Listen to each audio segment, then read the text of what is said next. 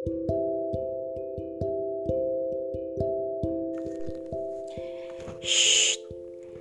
guys, kembali lagi di podcast Eja dan gak terasa nih udah podcast yang ke-9 Dan mohon maaf juga karena hari Kamis kemarin itu padat banget Ada beberapa hal yang harus disiapkan.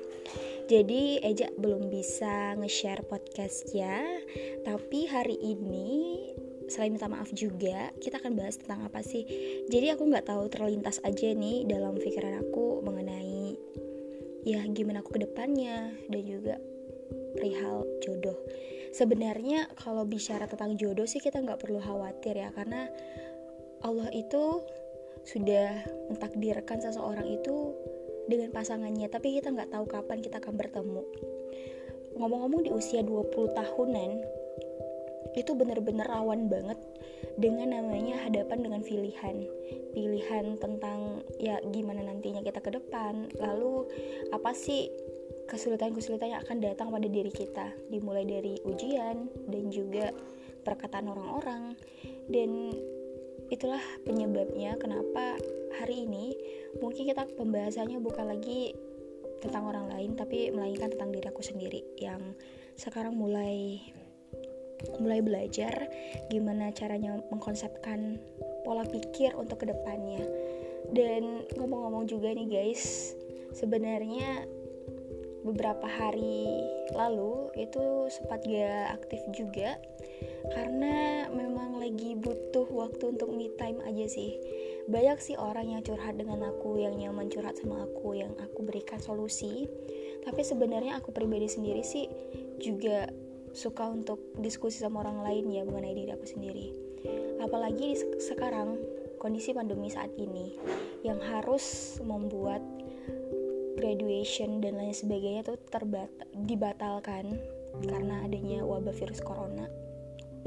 Tapi itu bukan masalah sih bagi aku. Dan mungkin juga bukan jadi masalah juga buat sebagian orang. Tapi akan menjadi masalah besar juga untuk beberapa bagian orang karena ngerasa gak ada penghargaan atas perjalanan selama ini. Mungkin teruntuk adik-adik yang lulus sekolah dasar, lulus sekolah menengah pertama, lulus sekolah menengah atas, dan yang akan wisuda digagalkan, dibatalkan. Sabar aja deh. Kayak gitu juga kita nunggu jodoh. Jodoh itu katanya, bukan katanya, memang kenyataannya demikian. Jodoh itu gambaran diri yang harus kita pelajari dari sekarang. Kita ingin jodoh kita seperti apa, maka dari sekarang kita harus juga untuk belajar banyak, memperbaiki diri lebih banyak. Dan sumpah ini sekarang waktu gue ngomong sekarang itu kayak berkaca-kaca dan kayak ngerasa apa ya jangan sia-siain hidup sih sebenarnya jadi banyak ibadah banyak perbaiki diri gitu. Jangan sampai waktu yang kita gunain itu cuman buat seneng-seneng aja gitu. Pengetahuan yang kalian dapatin mau sepintar apa pun kita dan juga secerdas apa pun kita di mata orang lain mengenai pengetahuan tentang dunia jangan sampai menyalahkan kalian hidup di dunia ini gitu. Banyak ibadah banyak juga baca-baca wawasannya tentang agama. Dan juga ah, nggak aduh gue nggak suka kayak gini guys. Tapi intinya gue pengen ngasih semangat aja sih buat temen-temen. Gak tau sih gue tuh terlalu berperasaan banget gitu. Beberapa waktu juga temen gue tiba-tiba putus sama pasangannya.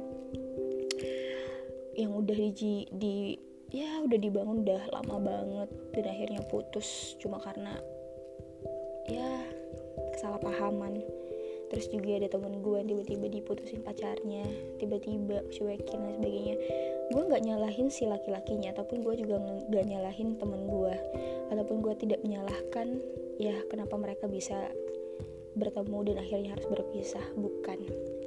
Aku juga ngejalanin hubungan juga pernah juga sih tiba-tiba hilang kontak hilang ya. Kalau menurut gue kalau memang dia hilang ya udah berarti bukan punya lu gitu.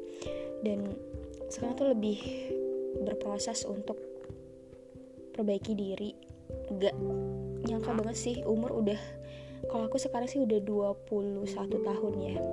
Tahun depan udah 22 gue masih ngerasa kayak bud, uh, kayak anak kecil aja sih kayak masih remaja yang masih ya gue pengen belajar. Besok kuliah ini, ini gue masih mikir kayak gitu. Padahal gue udah dituntut untuk ke dunia kerja. Dunia kerja yang berat banget sih gue jalanin. Tapi gue berusaha untuk ya orang tua gue cuma seorang sopir dan ibu gue cuma ibu rumah tangga yang lulusan SMP otomatis S1 itu adalah suatu kebanggaan yang luar biasa bagi orang tua gue gue lulus S1 dengan beasiswa dan gue punya target-target yang ke depan ngerasa masih fakir ilmu yang masih fakir banget sih gitu ya. Jadi masih banyak sekali pengalaman dan pengajaran yang harus gue dapetin di dunia sekarang ini. Untuk menuju akhirat pun juga gak semudah itu.